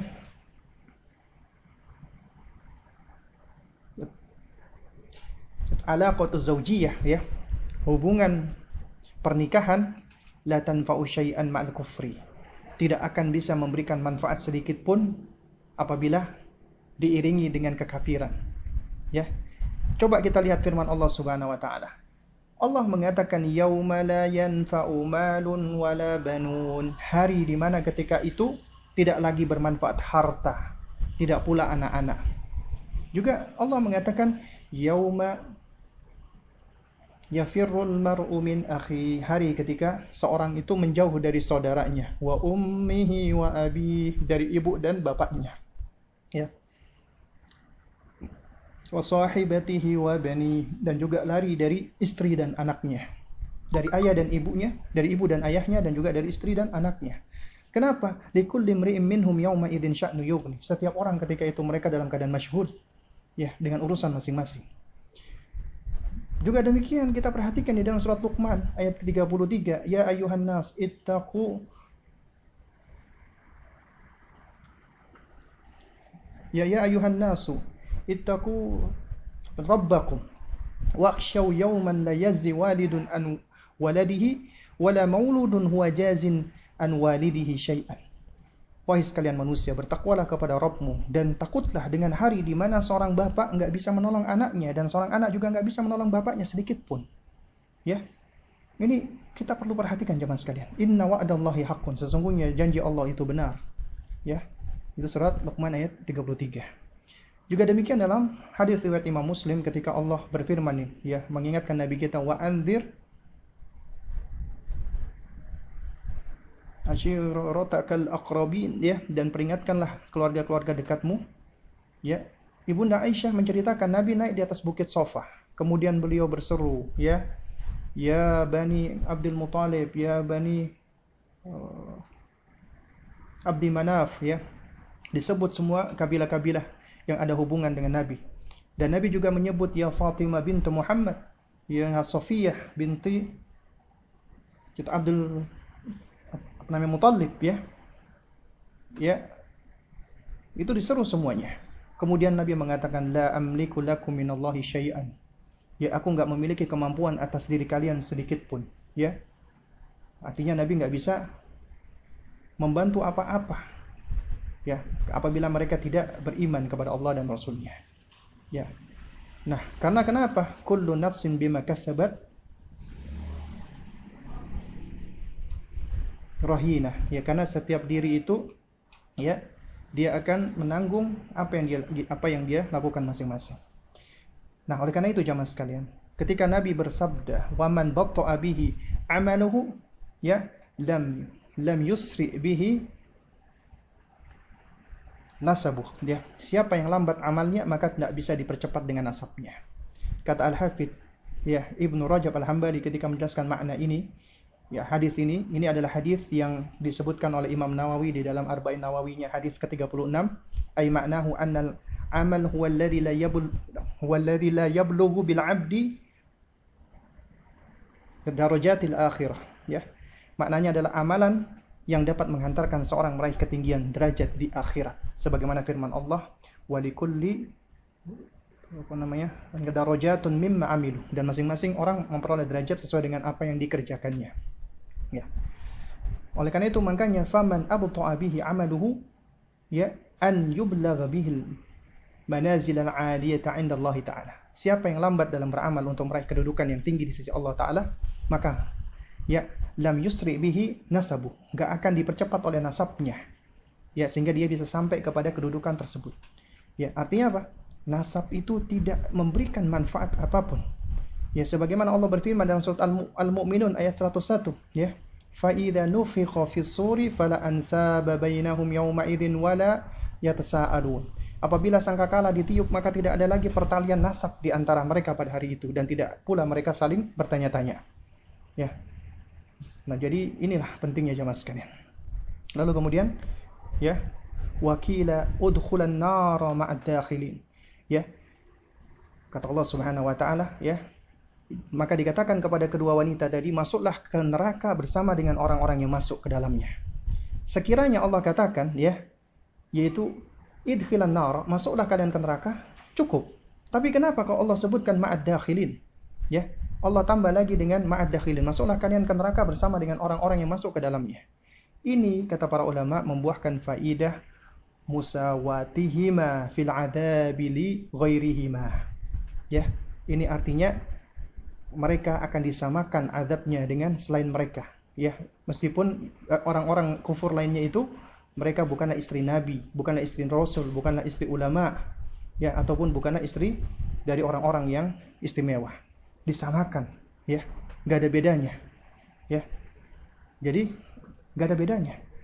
Jamaah sekalian kalau kita bicara tentang istrinya Nabi Nuh ya itu Allah Subhanahu wa taala sering kali menyebutkan tentang tentang istrinya Nabi Nuh itu dengan sebutan illaman sabaqa alaihi alqaul. Illaman sabaqa alaihi alqaul. Coba antum buka surat Hud ayat 40 ya. Ketika Allah Azza wa Jalla menceritakan tentang istrinya Nabi Nuh ya hatta idza jaa amruna wa nafarat tanur ya hingga apabila perintah kami datang dan dapur itu sudah memancarkan air artinya air bah sudah mulai datang kulna ihmil fiha min kulli zawjain ithnaini ya wa ahlaka illa man sabaqa alaihi alqaul wa man amana wa ma amana ma'ahu illa qalil ya jadi ketika perintah kami datang dan dapur itu sudah memancarkan air, maka Allah berfirman, ya isilah bahteramu itu dari masing-masing binatang sepasang, ada jantan dan betina dan keluargamu kecuali ya, illa man sabaqa alaihi qaul. Kata Allah, kecuali orang yang telah di, terdahulu ditetapkan untuknya. Maksudnya istrinya. Ya. Dan muatkan pula orang-orang yang beriman dan Allah mengatakan wa ma ma'ahu illa qalil dan tidaklah beriman bersama Nabi Nuh kecuali sedikit. Artinya ternyata kuantitas itu bukanlah jaminan. Ya. Karena Nabi Nuh alaihissalam dakwah 950 tahun siang dan malam yang mengikuti beliau cuma sedikit. Bahkan termasuk istrinya pun juga tidak beriman. Dan Allah tidak menyebutkan namanya, tidak tidak menyebutkan ya sebagaimana ya Allah sebutkan di sini sebagai istri Nuh, tapi Allah sebutkan di sini yaitu apa? Ilaman sabaqa alaihi alqaul Lihat pula di dalam surat Al-Mu'minun ayat ke-27 ya. Nah kata Al-Hafidz Ibnu Katsir yang dimaksud dengan illa man sabaqa alaihil qul adalah ya mereka adalah orang-orang yang lam yu'minu bihi min ahlihi. Ya, yaitu orang-orang yang tidak beriman dari keluarganya, yaitu baik anak ataupun istrinya. Adapun Nabi Lut alaihissalam Allah sebutkan ya di dalam empat surat Allah sebutkan minal apa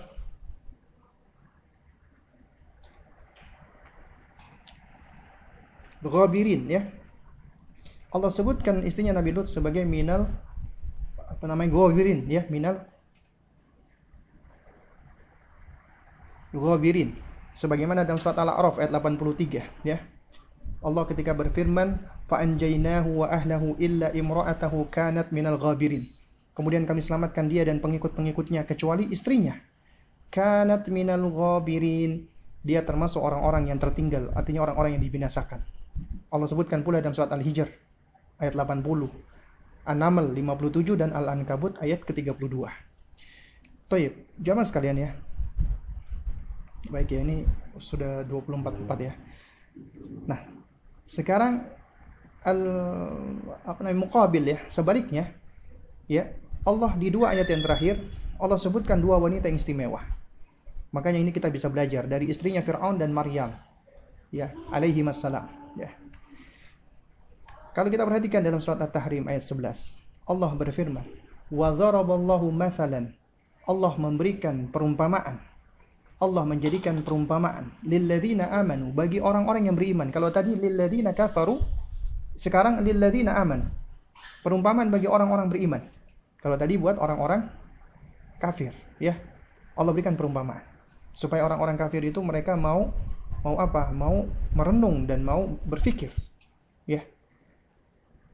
Karena mereka ketika ya apa ketika uh, berbuat kelakar dengan Nabi, mereka mengatakan bahwasanya kami adalah orang yang dekat dengan Muhammad dan Muhammad bisa menolong kami. Allah bantah itu semua. Nah, di ayat ini ya setelah tadi Allah Azza wa Jalla sebutkan bahwasanya kedekatan padahal itu seorang istri dengan dua nabi yang mulia itu nggak bisa memberikan manfaat, maka Allah berikan sekarang tentang sosok wanita yang yang berbeda lagi. Bahkan kalau tadi mereka berada di bawah pengasuhan atau eh, maksud saya berada di bawah pengawasan ya dari hamba-hamba Allah yang soleh, sekarang dari manusia yang paling pongah, congkak, sombong di muka bumi. Makanya Allah berikan permisalan lilladzina amanu bagi orang-orang yang beriman. Imra'ata Fir'aun, istrinya Fir'aun, Asia binti Muzahim, idh qalat rabbi ibni li 'indaka baitan fil jannah. Ketika dia berdoa kepada Allah, meminta kepada Allah, Ya Rabb, ibni li 'indaka baitan. Ya. Bangunkanlah untukku sebuah rumah di sisimu, fil jannah di dalam surga. Ya. Wa najini min fir'auna wa amalihi dan selamatkanlah aku dari Fir'aun dan perbuatannya yang keji, yang buruk, yang rusak. Beliau meminta pertolongan kepada Allah. Selamatkan aku dari Fir'aun dan perbuatannya. Ya, wa najini minal qaumi zalimin dan selamatkanlah aku dari kaum dari kaumnya yang zalim. Ya, insyaallah ayat ini akan kita bahas. Cuman kita lanjutkan sedikit ya supaya kita bisa langsung membahas dua sosok wanita di sini. Ya. Kemudian yang kedua di ayat yang terakhir wa Maryam dan Maryam kata Allah ibnata Imran istrinya Imran eh afwan putrinya Imran ya putri dari seorang yang soleh bernama Imran bukan nabi bukan rasul allati ahsanat farijaha yang mana Maryam ini adalah orang yang menjaga memelihara kehormatannya menjaga kemaluannya maka Allah Subhanahu wa taala mengatakan apa namanya fanafakhna fihi min ruhina maka kami tiupkan ke dalam ya ke dalam rahimnya ya min ruhina yaitu sebagian dari roh ciptaan kami. Kemudian Allah sebutkan karakternya Maryam. Apa karakternya Maryam? Allah katakan wa saddaqat bi kalimati rabbiha. Dia membenarkan kalimat-kalimat Rabbnya wa kutubihi dan kitab-kitabnya. Wa kanat minal qanitin. Dan Maryam itu termasuk orang-orang yang qanitat, yang qanitah, yang taat kepada Allah. Ini kita bisa mengambil pelajarannya jamaah sekalian. Pertama, Allah jadikan pelajaran. Siapa? Sosok wanita. Ya. Wanita yang hidup dengan manusia yang paling pongah, congak, congkak, ya, dan lalim di muka bumi ini. Allah jadikan ini contoh bagi orang-orang beriman. Ya, Beliau adalah Asia bintu Muzahim. Disebutkan oleh para ulama, Asia bintu Muzahim adalah seorang putri dari seorang raja yang kerajaannya itu dikuasai oleh Fir'aun. Kemudian dinikahi Asia bintu Muzahim. Ya. Asia ini adalah seorang wanita yang cerdas, yang pemberani, yang independen. Ya, yang tangguh, sabar. Ya. Di dalam menjaga fitrah agamanya. Ya Beliau adalah wanita yang independen, yang merdeka, yang apa, teguh di dalam memegang agamanya. Meski manu, apa suaminya adalah manusia yang paling lalim dan togut yang paling besar di muka bumi ini. Dia adalah sosok wanita yang memiliki kesabaran yang sangat luar biasa. Yang mana beliau adalah sosok wanita yang tetap beramar ma'ruf nahi mungkar. Dia tetap menasehati suaminya dengan semampunya dan dia adalah sosok wanita yang menyelamatkan Nabi Musa alaihissalam dari ancaman pembunuhan Fir'aun bagi ya anak-anak laki-laki yang dilahirkan. Beliau adalah ibu asuhnya Musa alaihissalam. Beliau adalah ibu angkat Nabi yang mulia, Musa alaihissalam. Dia adalah sosok yang turut memberikan kasih sayang di dalam mendidik Nabi Musa alaihissalam. Ya. Dan beliau pula adalah sosok wanita yang mengimani Nabi Musa alaihissalam. Membenarkan nubuah dan apa risalah Nabi Musa alaihissalam. Dan beliau adalah sosok yang terus membela Nabi Musa alaihissalam sampai akhirnya Fir'aun alaihi laknatullah pun membunuhnya. Allah jadikan beliau sebagai sosok figur yang bisa diambil sebagai contoh. Makanya Nabi SAW ketika menyebutkan arba'atun ada empat wanita, ya wanita yang menjadi apa? Menjadi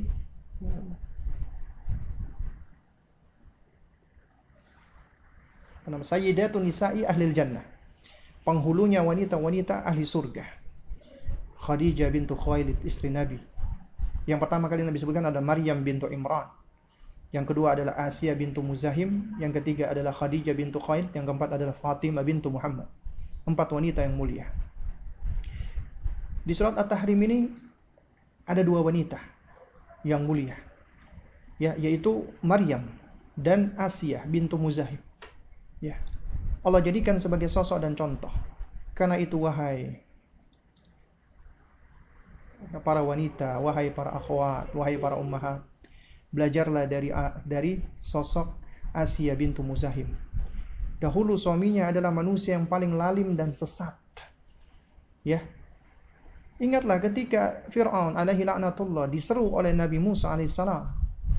Diajak oleh Nabi Musa alaihissalam agar mereka agar dia mau untuk kembali, mau untuk bertaubat, mau untuk ya kembali ke jalan Allah. Dia dengan pongahnya dan congkaknya mengatakan, Ana rabbukumul a'la. Aku adalah Rabbmu yang paling tinggi, kata Fir'aun. Ya, atau di dalam surat Al-Qasas, Fir'aun ketika diseru, diajak dia mengatakan, Ma'alimtu lakum min, ya, min ilahin ghairi. Ya, ya, aku nggak tahu bagi kalian ada sesembahan selain aku. Ada Tuhan selain aku. Kata Fir'aun alaihi laknatullah. Ada nggak manusia yang lebih pongah daripada Fir'aun alaihi? Tidak ada. Ya, beliau adalah manusia yang paling congkak di muka bumi ini. Kalau ada yang menyerupai, maka ya dia adalah mungkin Fir'aun-Fir'aun gaya gaya baru ya. Ya, sebagaimana Nabi Muhammad SAW pernah menyebut siapa? Abu Jahal adalah Fir'aunnya umat ini. Ya, kata Nabi SAW. Ya. Dan istri beliau, Asia bintu Muzahim, itu malah kebalikan. Kebalikan daripada istrinya Nuh, kebalikan dari istrinya Lut. Nabi istrinya Nabi Nuh dan dan Nabi Lut tinggal bersama hamba-hamba Allah yang saleh, tapi nggak menjamin mereka menjadi wanita yang saleh. Sedangkan istrinya Fir'aun alaihi laknatullah, meskipun dia dekat hidup dengannya, tidur dengannya, satu rumah dengannya, itu tidak otomatis menjadikannya wanita yang juga pongah, congkak, ya. Yang kafir, tauhid, lalim. Ya. Malah beliau adalah wanita yang mukminah. Termasuk empat penghulu wanita ahli surga. Ya. Nah, jadi ya jamaah sekalian yang dimuliakan Allah Subhanahu wa taala, ya. Ya. Jika kita melihat dari istri Firaun, maka kita dapat mempelajari bahwasanya beliau itu adalah seorang yang memiliki kemerdekaan, mustaqillah, andiniha. Dia adalah wanita yang memiliki independensi tentang agamanya. Meskipun dia berada di bawah pengawasan seorang manusia yang paling lalim, tetap dia memiliki keteguhan tentang agamanya.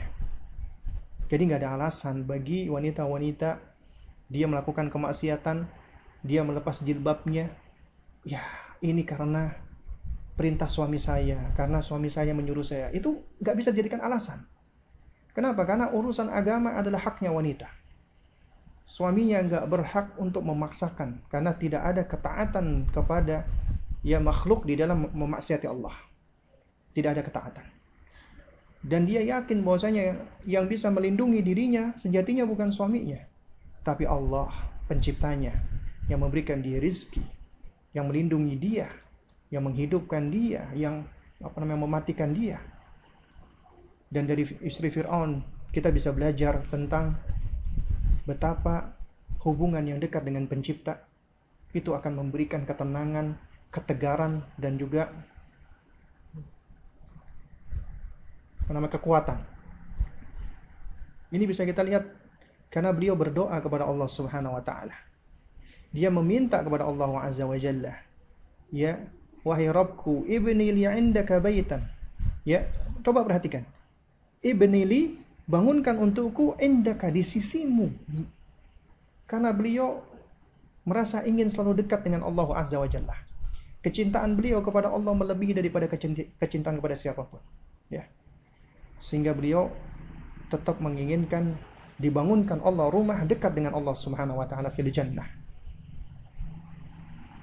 dia memiliki harapan agar Allah membangunkan rumah untuknya di surga.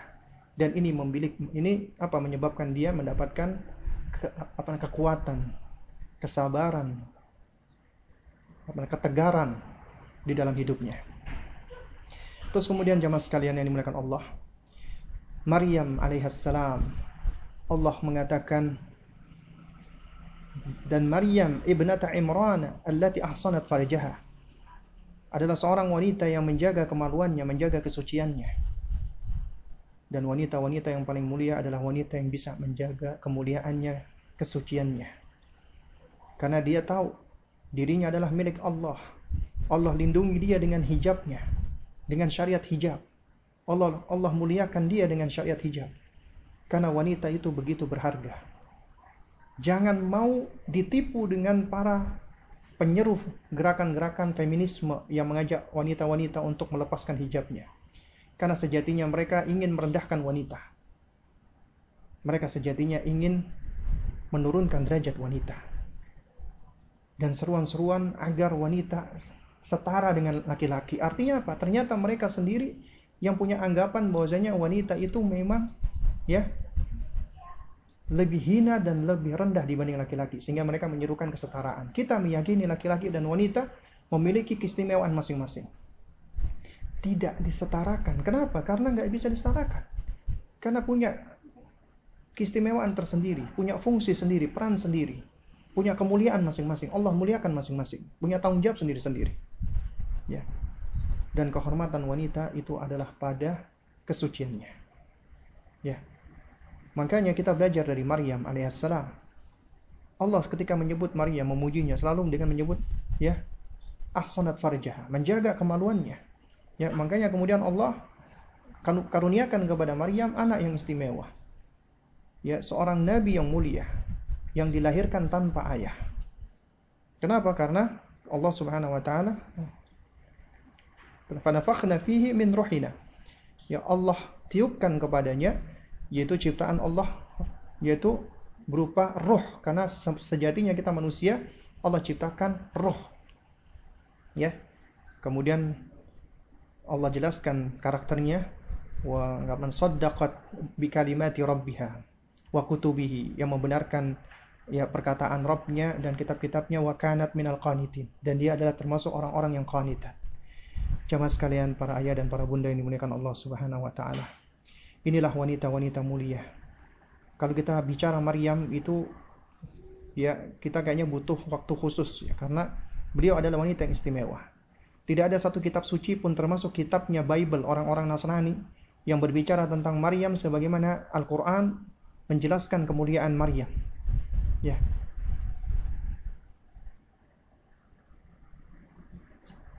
ya.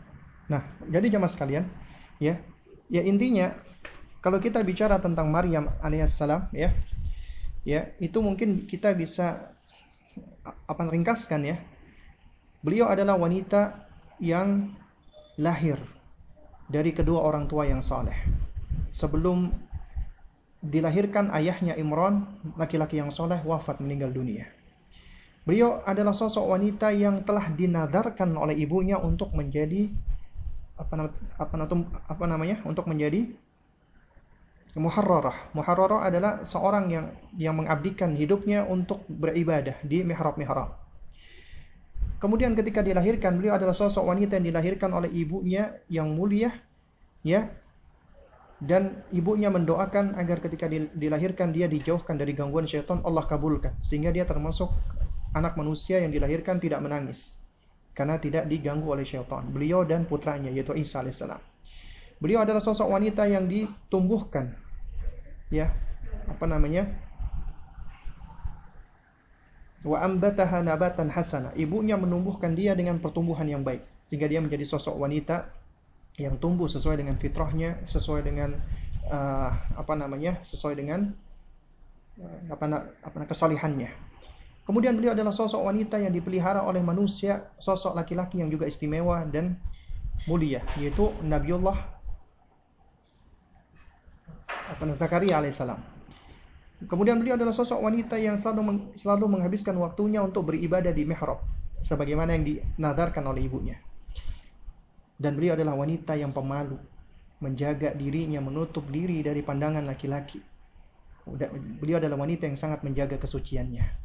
Dan beliau akhirnya adalah wanita yang melahirkan manusia yang mulia, Nabi Isa alaihissalam. Jadi jamaah sekalian, ya ini apa namanya penutup ya, ya para ulama ketika menyebutkan tentang surat At-Tahrim ini bahwasanya awal surat ini dan akhir surat ini itu terdapat apa namanya? Robotun wasilatun.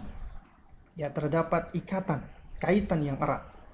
Di mana di awal surat Al-Qur'an, surat At-Tahrim ini berbicara tentang istri-istri Nabi yang mana beliau manusia biasa yang juga bisa marah, bisa cemburu, dan juga artinya ternyata rumah tangga Rasulullah juga di situ ada konflik juga. Karena manusia. Tapi di situ ada pelajaran besar yang bisa kita ambil. Ya. Makanya di, di surat ini Allah berikan akan teguran kepada Nabi kita dan juga Allah memberikan peringatan untuk istri-istri beliau. Khususnya ibunda Aisyah dan ibunda Hafsah. Dan kita mencintai keduanya Gak boleh kita menghinakan merendahkan keduanya sebagaimana orang-orang orang-orang yang menyimpang seperti orang-orang Syiah Bahkan ini menunjukkan kemuliaan keduanya. Karena Allah abadikan kisahnya. Sehingga bisa dijadikan pelajaran. Karena mereka termasuk wanita-wanita ahlul jannah. Dan di akhir ayat ditunjukkan tentang sosok dua istri Nabi ya yang berada di bawah rumahnya orang-orang soleh tapi menjadi wanita ahli neraka wanita-wanita yang binasa dan yang buruk ya. Dan seakan-akan ya di dalam ayat ini itu mengandung peringatan ya. Bahwasanya ketika Anda menjadi seorang istri Anda memiliki apa kedekatan dengan ulama atau dengan seorang ustadz atau dengan seorang kiai atau Anda keturunan mereka atau Anda menikah dengan orang-orang seperti itu gak ada jaminan. Tidak menjadi jaminan ya tapi bukan artinya coba perhatikan ya tapi bukan artinya ya bukan artinya ya itu tidak penting. Maksudnya untuk mencari suami yang soleh mencari orang yang dari keturunan yang baik itu termasuk sebab sebab-sebab syar'i. Tapi tetap keputusan di tangan Allah. Artinya jangan sampai kita apa namanya tertipu bahwasanya dengan sekedar kita memiliki nasab seperti itu atau memiliki hubungan kekerabatan atau dekat dengan orang-orang soleh maka otomatis kita akan akan selamat. Tidak demikian. Demikian pula dengan mereka-mereka yang Allah uji saat ini misalnya dengan laki-laki yang ternyata tidak baik. Sejelek-jeleknya laki-laki anda tidak sejelek Fir'aun alaihi la'natullah dan itu bukanlah alasan bagi anda wahai wanita. Ya tidak menjadi alasan bagi Anda untuk Anda memaksiati Allah atau untuk Anda meninggalkan kewajiban-kewajiban yang Allah perintahkan untuk Anda. Jadi bukan alasan ya, wah saya melakukan ini karena suamiku begini, wah saya melakukan itu karena suamiku begitu tidak. Anda seorang sosok manusia muslimah. Allah karuniakan kepada Anda hak-hak dan kewajiban. Ya, dan Allah karuniakan kepada Anda kemerdekaan. Independen tentang agama Anda. Artinya Anda punya hak untuk menjalankan agama Anda. Anda punya hak untuk menjalankan syariat Allah. Dan Anda tidak berkewajiban untuk mengikuti perintah-perintah siapa pun dia termasuk suami Anda apabila itu menyelisihi perintah Rob pencipta, apa, pencipta Anda. belajarlah dari istrinya Fir'aun alaihi laknatullah ya Fir'aun alaihi laknatullah istrinya adalah wanita yang mulia dan belajar pula dari Maryam sosok gadis yang mulia seorang ibu yang mulia yang menjaga dirinya, menjaga kehormatannya, menjaga apa kesuciannya dan dia adalah wanita yang senantiasa tunduk kepada Allah, beribadah kepada Allah. Ya. Nah, jadi jangan sekalian yang dimuliakan Allah. Baik, ini mungkin ini yang dapat saya sampaikan ya karena sudah pukul 9 lewat. Toyib, mungkin masih ada waktu ya selama 15 atau 20 menit atau setengah jam mungkin ya untuk yang ingin bertanya silakan ya. Boleh tanya langsung atau boleh dibacakan ya. Ya, Ustaz, alhamdulillah jazakallahu khairan syukran. Uh, alhamdulillah ini uh, pertanyaan banyak banget ya. Uh, mungkin lain kali insya Allah uh, bisa dibahasan khusus tentang uh, tamsil daripada Maryam dan Asia. Ini sangat sangat menarik nih. Insya Allah uh, saya mohon pada Ustadz uh, dan panitia Insya Allah akan menyediakan waktu terutama Ustadz yang bersedia mudah-mudahan Allah mudahkan semuanya eh, pembahasan tentang Amsil, Maryam dan Asia ini sungguh luar biasa sebagai sebagai teladan eh, wanita yang salihah. Baik Ustaz, ini ada pertanyaan yang pertama yaitu Bismillahirrahmanirrahim. Afwan Ustaz, bagaimana jika istri suka ngeyel, ngedumel di dalam hati saat menanggapi pembicaraan suaminya? karena dinilai suaminya tidak benar pendapatnya. Apakah itu berarti istrinya durhaka atau di dalam hatinya, dalam walaupun di dalam hatinya ngedumel seperti itu? Apakah itu karakter seorang istri yang durhaka atau tidak Ustaz? Padahal ngedumel. Tapi Ustaz bisa dijawab dengan singkat. Apa Toib, ya. Jadi sebenarnya Allah Subhanahu wa taala itu akan menghisap amalan kita. Tidak menghisap ya niatan kita atau apa yang terbetik dalam diri kita kemudian tidak kita amalkan. Dan sekarang siapa sih di antara kita yang kita nggak bisa menghindarkan diri dari kita merasa kesel, merasa jengkel, merasa marah. Kita manusia, kita punya emosi, kita punya perasaan. Ketika ada orang lain yang berbuat sesuatu yang membuat kita menjadi marah, membuat kita menjadi jengkel, itu manusiawi banget, manusiawi sekali. Kita manusia. Tapi yang menjadi acuan adalah ketika kita marah, ketika kita jengkel, apa yang kita lakukan. Ketika Anda misalnya nggak serak dengan suami Anda, suami Anda misalnya pulang kantor langsung berantakan, Anda merasa kesel nih, itu manusiawi. Bukan artinya, wah berarti apakah saya ini uh, termasuk wanita yang uh, tidak ini, tidak. Enggak, itu manusiawi. Dan ketika Anda merasa kesel, tapi Anda berusaha untuk menahan kekesalan Anda dengan tidak melakukan perbuatan-perbuatan yang buruk kepada suami Anda, maka Anda mendapatkan pahala dari Allah Subhanahu wa taala. Dan itulah di antara cirinya wanita-wanita yang mulia, istri-istri yang solehah seperti itu. Dia menahan kemarahannya, menahan apa namanya dirinya kesal, tapi dia tetap ingat dengan Allah Subhanahu wa taala. Ingat dengan ganjaran Allah Subhanahu wa taala. Itu apa? Menjaga ya perasaan suaminya. Kemudian dia juga berusaha untuk tetap berbuat baik dengan suaminya. Jadi insya Allah Allah akan memberikan kepada Anda pahala. Ya, wallahu alam sawab. Jadi Ustaz, mungkin ini pertanyaan terakhir mengingat waktunya yang sudah luar biasa dan bisa dijawab sekalipun penutup. Ini Tuh, pertanyaan yang panjang dan Tuh. saya bacakan eh, jazakallah khairan yaitu yakni Ustaz Afwan saya memiliki teman yang selalu mengeluh tentang hidupnya ini ceritanya temannya sedang curhat Ustaz sering menceritakan keburukan keluarganya, terutama menceritakan tentang keburukan suaminya dan anaknya. Apabila diingatkan akan kebaikan-kebaikan yang ada pada suaminya dan, anaknya, dia malah marah dan menganggap saya tidak berpihak kepada dia. Bagaimana sikap saya Ustaz? Apakah saya diam saja padahal dia butuh curhatan kita? Apa dulu Ustaz? Baik. Jadi ini adalah bagaimana sikap kita menghadapi teman kita ya, sahabat kita yang mana dia curhat karena dia merasa punya banyak masalah. Kemudian secara nggak sadar ternyata mungkin bisa jadi dia menggibah, menggibai suaminya. Dia menggibai keluarganya. Bisa jadi seperti itu. Nah, cuman perlu kita perhatikan ya. ketika dia misalnya mencari nasihat dia dia mencari mencari nasihat atau dia ingin mendapatkan nasihat atau istifta dia ingin minta fatwa dari orang-orang yang bisa memberikan fatwa. Atau ya intinya dia ingin nasihat kemudian dia menceritakan tentang keburukan-keburukan dari keluarganya ya dengan tujuan untuk supaya dia mendapatkan solusi maka insya Allah ini tidak termasuk riba tapi kalau dia cuma sekedar mengungkapkan kekesalannya ya dia kesel nih sama suaminya misalnya. Dia cuma menceritakan keburukannya bahkan ketika kita ingatkan dia malah nggak terima maka artinya dia di situ sedang menggibai suaminya. Dan perhatikan ya bagaimana seorang ketika dia mendapatkan atau mendengarkan keburukan maka dia wajib untuk beramar ma'ruf nahi mungkar. Artinya dia wajib mengingkari kemungkaran.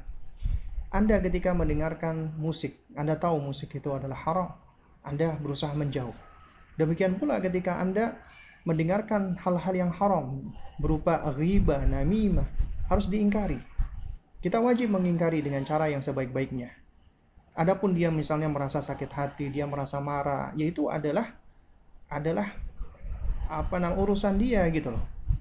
Karena kita nggak dituntut ketika kita nahi mungkar ya kita nggak dituntut supaya kita tidak menyinggung dia enggak ya bahkan seandainya kita nggak nggak ngapa-ngapain pun juga bahkan bisa apa tersinggung dia gitu. Nah jadi intinya kita melakukan itu adalah karena Allah Subhanahu wa taala karena kita sayang dengan sahabat kita. Kita ingatkan dengan cara yang yang baik ya.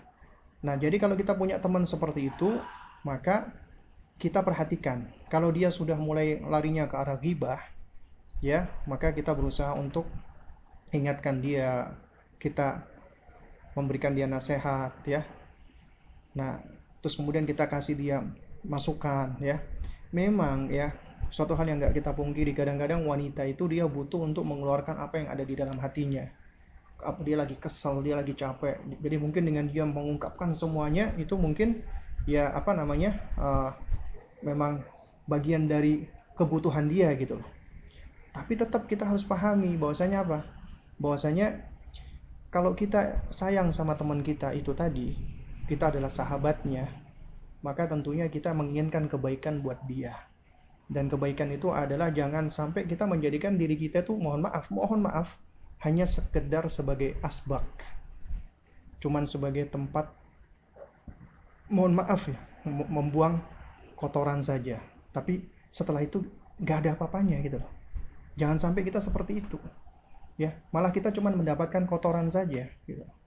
Tapi bagaimana supaya kita bisa turut membersihkannya? Bagaimana supaya kita bisa turut ya kita ini memberikan nasihat kepada sahabat kita ini adalah konsekuensi daripada kita cinta dengan dia, kita sayang dengan dia karena Allah. Kita menginginkan kebaikan untuk dia. Karena itu jangan lupa doakan dia ketika tidak bersama dengan dia. Kenapa? Karena mendoakan saudara kita ketika dia sedang tidak berada dengan kita, ya, itu insya Allah ya doa kita makbul dan juga akan diaminkan oleh malaikat. Dan sejatinya kita juga berdoa untuk kebaikan diri kita sendiri.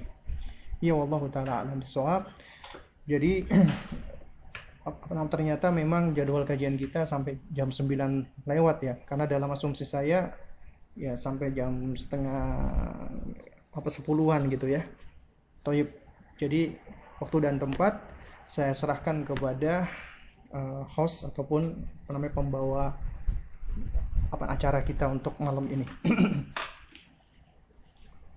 Oke, syukur Ustaz. Ya, jazakallahu khairan. Wa barakallahu fiikum. Alhamdulillah uh, waktu yang tidak terasa ini mudah-mudahan menjadi waktu yang berkah bagi kita semua, waktu yang mengalirkan pada dari kita semua. Mungkin uh, dari panitia minta ke Ustadz kapan-kapan kita pembahasan khusus buat tamsil Maryam, uh, sosok Maryam dan Asabin di Mesir itu. Beliau itu menjadi sosok yang luar biasa. Mungkin itu aja Ustadz. Mari kita tutup. Kita bisa simpulkan bagi Ustaz uh, mungkin itu aja Ustaz yang bisa sampaikan uh, walhasil kita kembalikan ke Ustaz dan kita tutup bersama-sama. Apa Ustaz? Tutup saya yang tutup ini berarti. Taib. Ya, uh, jamaah sekalian yang dimuliakan Allah Subhanahu wa taala, para abah, para ummahat, ikhwan dan akhwat yang dimuliakan Allah, ya. Ya, ini uh, dikarenakan memang waktu ya nanti insya Allah kita akan bisa melanjutkan kembali kajian kita ya. Sebagaimana permintaan tadi mungkin kita bisa fokus membahas tentang sosok Maryam atau sosok Asia bintu Muzahim. Dan mohon maaf ya saya memiliki kesempatan ini tidak bercerita tentang sejarah ya. Maksudnya tidak bercerita tentang sirahnya bagaimana sih sirahnya istrinya uh, Nuh bagaimana sirahnya istrinya uh, Lut ya. Nah dan jadi memang fokus ke arah ya faidah-faidah yang ada pada ayat-ayat Al-Qur'anul Karim ya. Karena kenapa? Karena kebanyakan sejarah tentang para nabi dan juga istri-istrinya itu adalah kebanyakan berasal dari kisah-kisah Israiliyat. Ya. Nah, cuman bukan artinya membawakan kisah Israiliyat itu suatu hal yang tidak boleh secara mutlak ataupun juga dibebaskan secara mutlak tidak. Karena Nabi SAW beliau bersabda, ya balighu anni walau ayah wa hadithu an bani Israel wala haraj.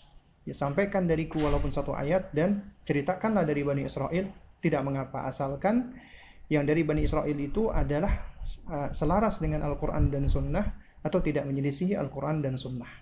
Ya, maka yang demikian diperbolehkan dan juga mudah-mudahan Allah Subhanahu wa taala senantiasa mengkaruniakan kepada kita semua kesehatan ya dan juga yang paling penting dari itu semua adalah keimanan ya. Dan Allah Subhanahu wa taala senantiasa berikan kita keistiqomahan agar kita senantiasa terus semangat untuk belajar dan menuntut ilmu ya. Dan juga mudah-mudahan Allah Subhanahu wa taala bisa memperjumpakan kita lagi pada kesempatan kita yang berikutnya insyaallah taala.